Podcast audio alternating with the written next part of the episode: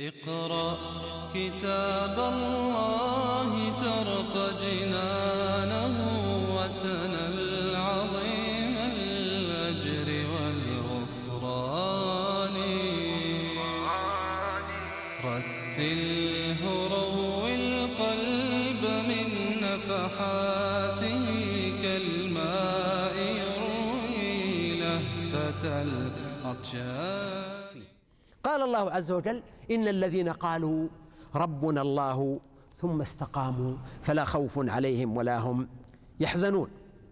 يعني بعدما حاورهم وجادلهم انتقل السياق إلى ذكر المؤمنين الذين قالوا ربنا الله ثم استقاموا.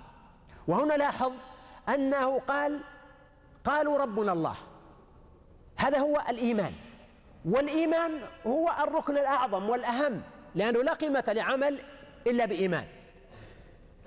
ولذلك في سورة البلد مثلا قال أو إطعام في يوم ذي مسغبة يتيما ذا مقربة أو مسكينا ذا متربة ثم كان من الذين آمنوا.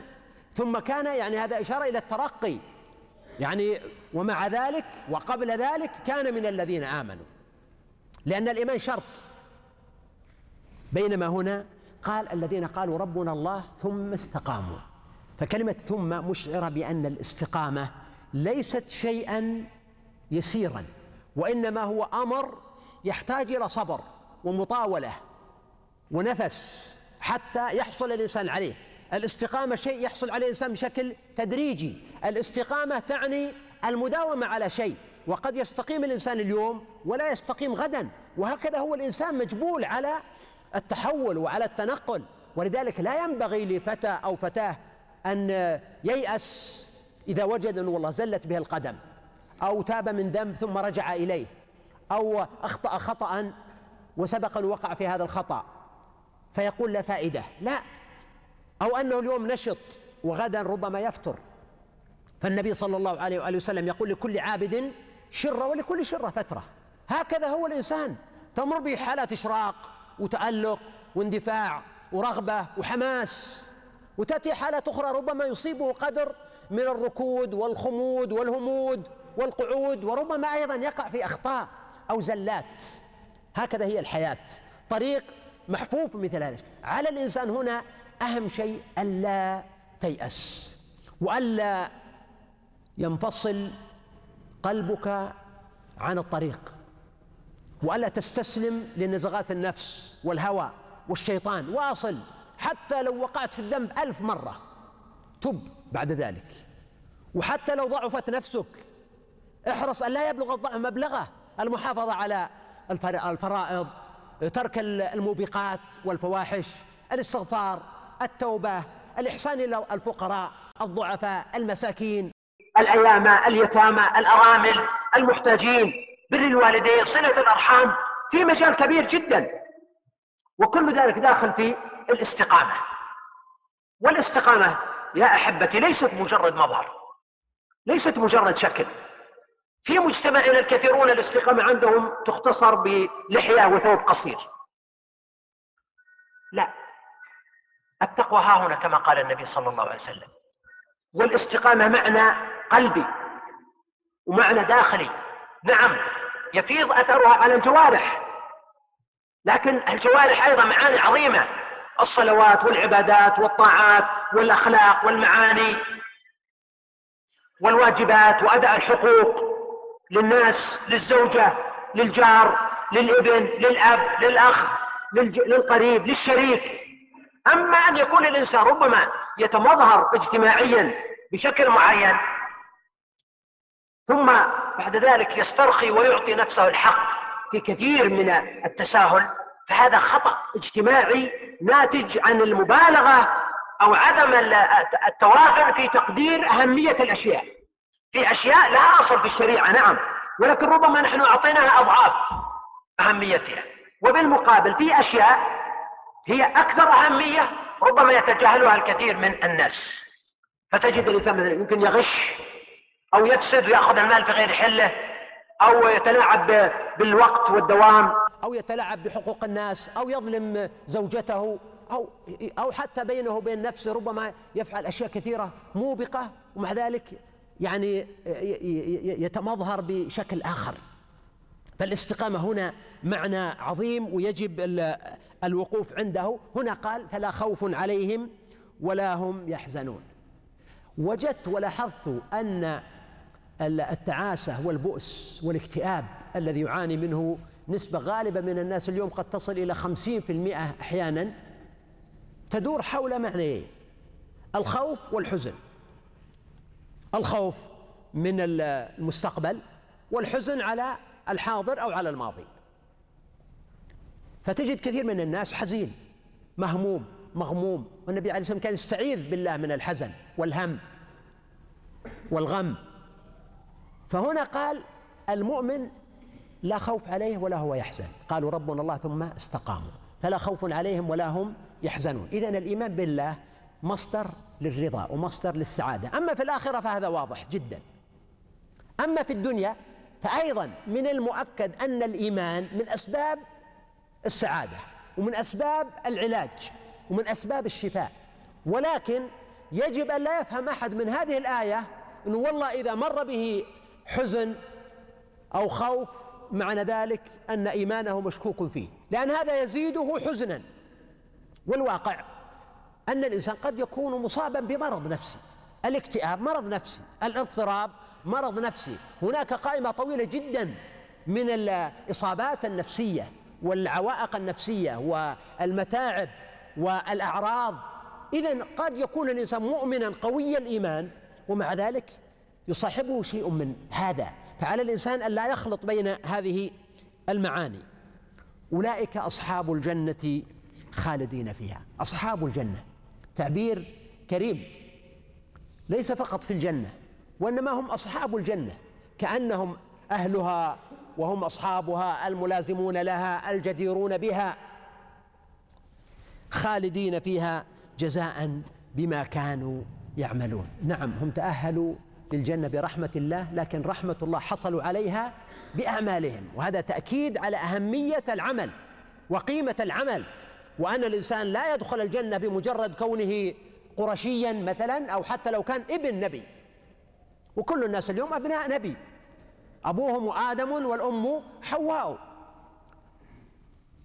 وإنما من بطأ به عمله لم يسرع به نسبه ثم قال الله عز وجل ووصينا الإنسان بوالديه إحسانا.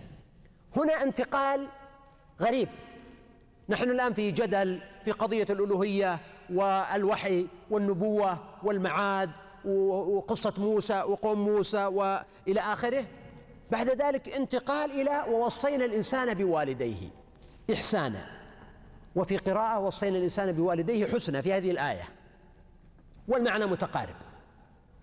لماذا انتقل إلى موضوع الوالدين؟ أولا ربما يكون بدأ بالإيمان وثنى ببر الوالدين وهما مرتبطان. حتى سأل رجل النبي صلى الله عليه وسلم كما في البخاري عن أفضل الأعمال. قال إيمان بالله ورسوله. قال ثم أي قال بر الوالدين. إذا بر الوالدين مرتبط بالإيمان. هذا معنى. احتمال. الاحتمال الثاني أن ذلك تمهيد. قول وصينا الإنسان بوالديه أن ذلك تمهيد لذكر موضوعات أخرى متعلقة بالكفر وإنكار البعث كما قال في الآية التي بعدها والذي قال لوالديه أف لكما أتعدانني أن أخرج وقد خلت القرون من قبلي.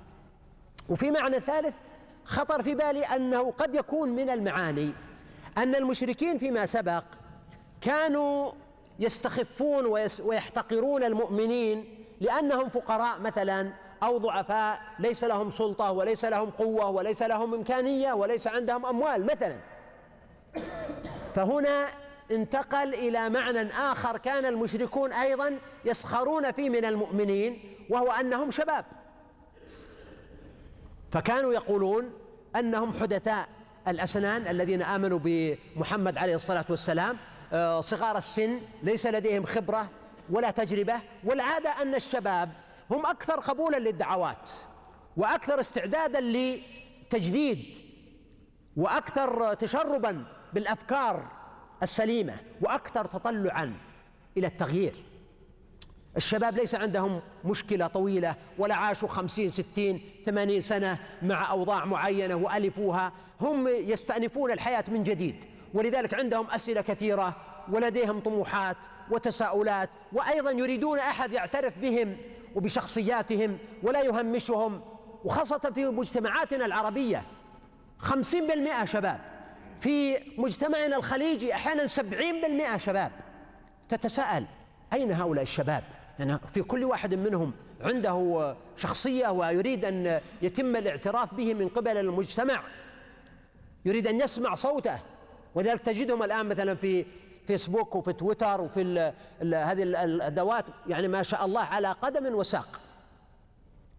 بشكل غريب لأنهم يجدون المكان الذي يعبرون فيه عن أنفسهم بطريقة في الغالب أنها سليمة وأحيانا حتى لو لم تكن سليمة لأنه يتعلم. يخطئ اليوم ويصيب غدا. لا, لا يجب أن تلومه. تعلمه أولا. فكانوا يعيبون على أتباع النبي صلى الله عليه وآله وسلم أنهم شباب. وقد كان لسان حال النبي صلى الله عليه وسلم أنه يقول وربما كل نبي. بعثت فحالفني الشباب وخالفني الشيوخ. الشيوخ في العادة عندهم حسابات طويلة. وتفكير طويل ومبالغات في بعض الأمور أحيانا. وقد لا تلومهم لأن هذا الذي وصل إليه تفكيرهم. حتى أنه لما صارت الأحداث في مصر وأزيح الرئيس السابق كنت أشاهد الأخوة المصريين عندنا هنا. فإذا رأيت شابا مصريا في الثلاثين من عمره وجدته مبتسما فرحا مسرورا مستبشرا.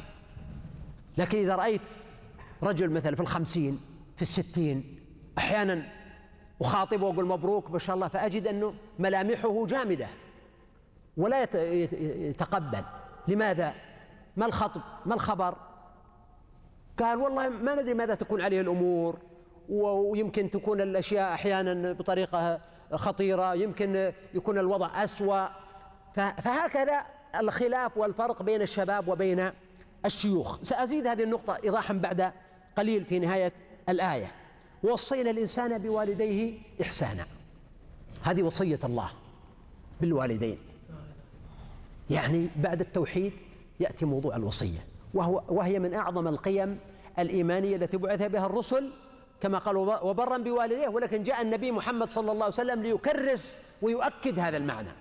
وصينا الإنسان بوالديه إحسانا. ووصينا الإنسان بوالديه حسنا. حتى قال وإن جاهداك على أن تشرك بي. سبحان الله. يعني لو كان الوالد مشرك وعنده صنم في المجلس وصنم في المقلط وصنم في الصالة وصنم في غرفة النوم نسأل الله الحفظ والوقاية والهداية. ليس هذا فقط ولكنه يأمر الولد بعبادة هذه الأصنام. وليس هذا فحسب وإنما يجاهده على ذلك. ما هي مرة واحدة ولا مرتين؟ جهاد.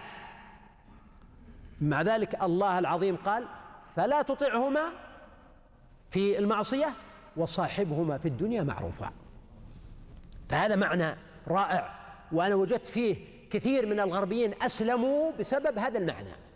أنه وجدوا نماذج واقعية في بر الوالدين لا زالت المجتمعات الإسلامية تحتفظ بها من الأبناء ومن البنات. حتى لو كان الولد يتذمر البنت تتذمر أحيانا أبوي ما يفهمني أمي ما تفهمني آه، آه، معارضة في تدريس معارضة في زواج في كثير من الأحيان الآباء يعني يعوقون بناتهم والأمهات أيضا عن الزواج وكل أحد يتدخل في زواج البنت حتى الخدامة أحيانا تتدخل في الزوج يمكن وهذا يصلح وهذا ما يصلح بحيث أنه في تقليل من الخيارات الفردية ومن منح الإنسان حق الاختيار يعني في الأصل.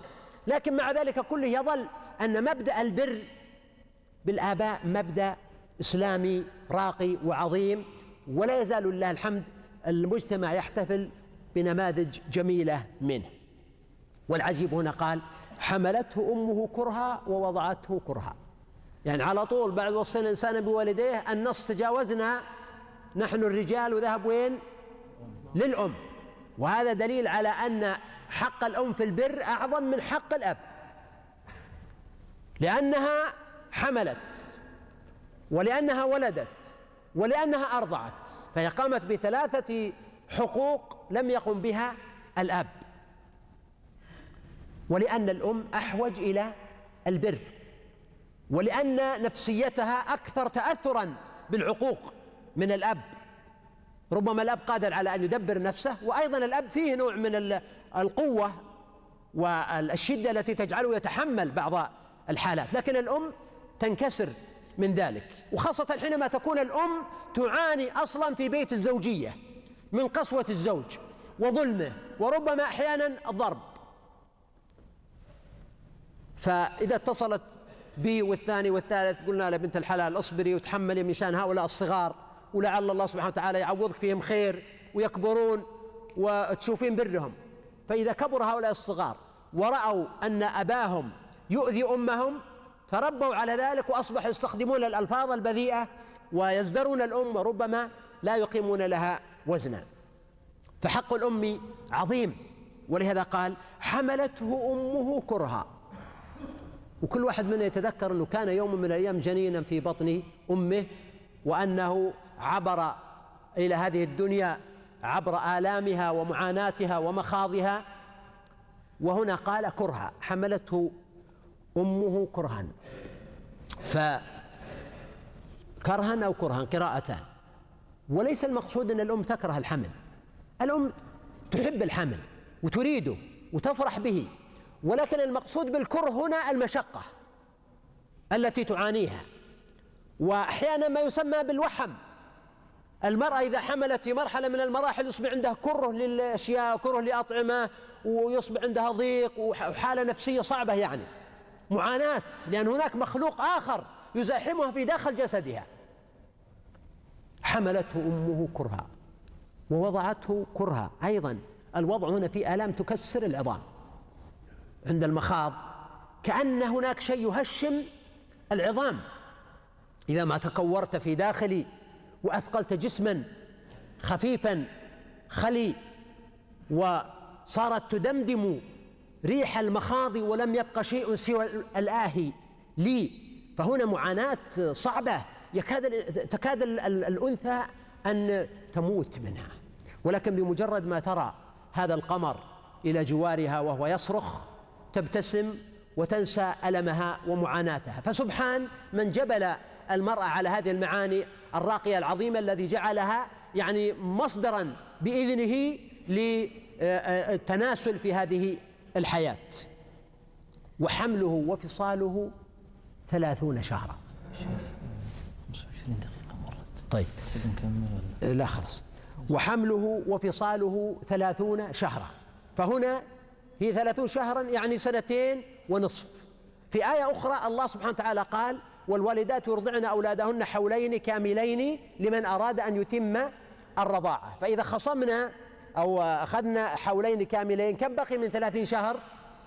ستة أشهر. ولذلك قال الفقهاء كالشافعي وغيره وجاء هذا عن علي رضي الله عنه قاله لعمر وقاله لعثمان في المرأة التي ولدت لستة أشهر أن أقل الحمل في القرآن الكريم يكون لستة أشهر ويكون لسبعة أو ثمانية أو تسعة وقد يتعدى ذلك. إذن هذه مدة الحمل وما بقي من الثلاثين شهرا تكون للإرضاع وهو الفصال ولهذا قال وحمله وفصاله ثلاثون شهرا. ولما قال ثلاثون شهرا كان فيه إرادة التكثير إنه القصة هنا بالنسبة للأم يعني الأب مثلا مع مكانة الأب والأب له فضل عظيم. ولكن مع ذلك كأن الآية فيها إشارة إلى أن الأب ربما يعني لم يعاني من ذلك شيئا قط وإنما كانت متعة وكانت شهوة وكانت غريزة. بينما الأم هي التي يعني تحملت العناء والتعب لمدة ثلاثين اقرأ كتاب الله ترق جنانه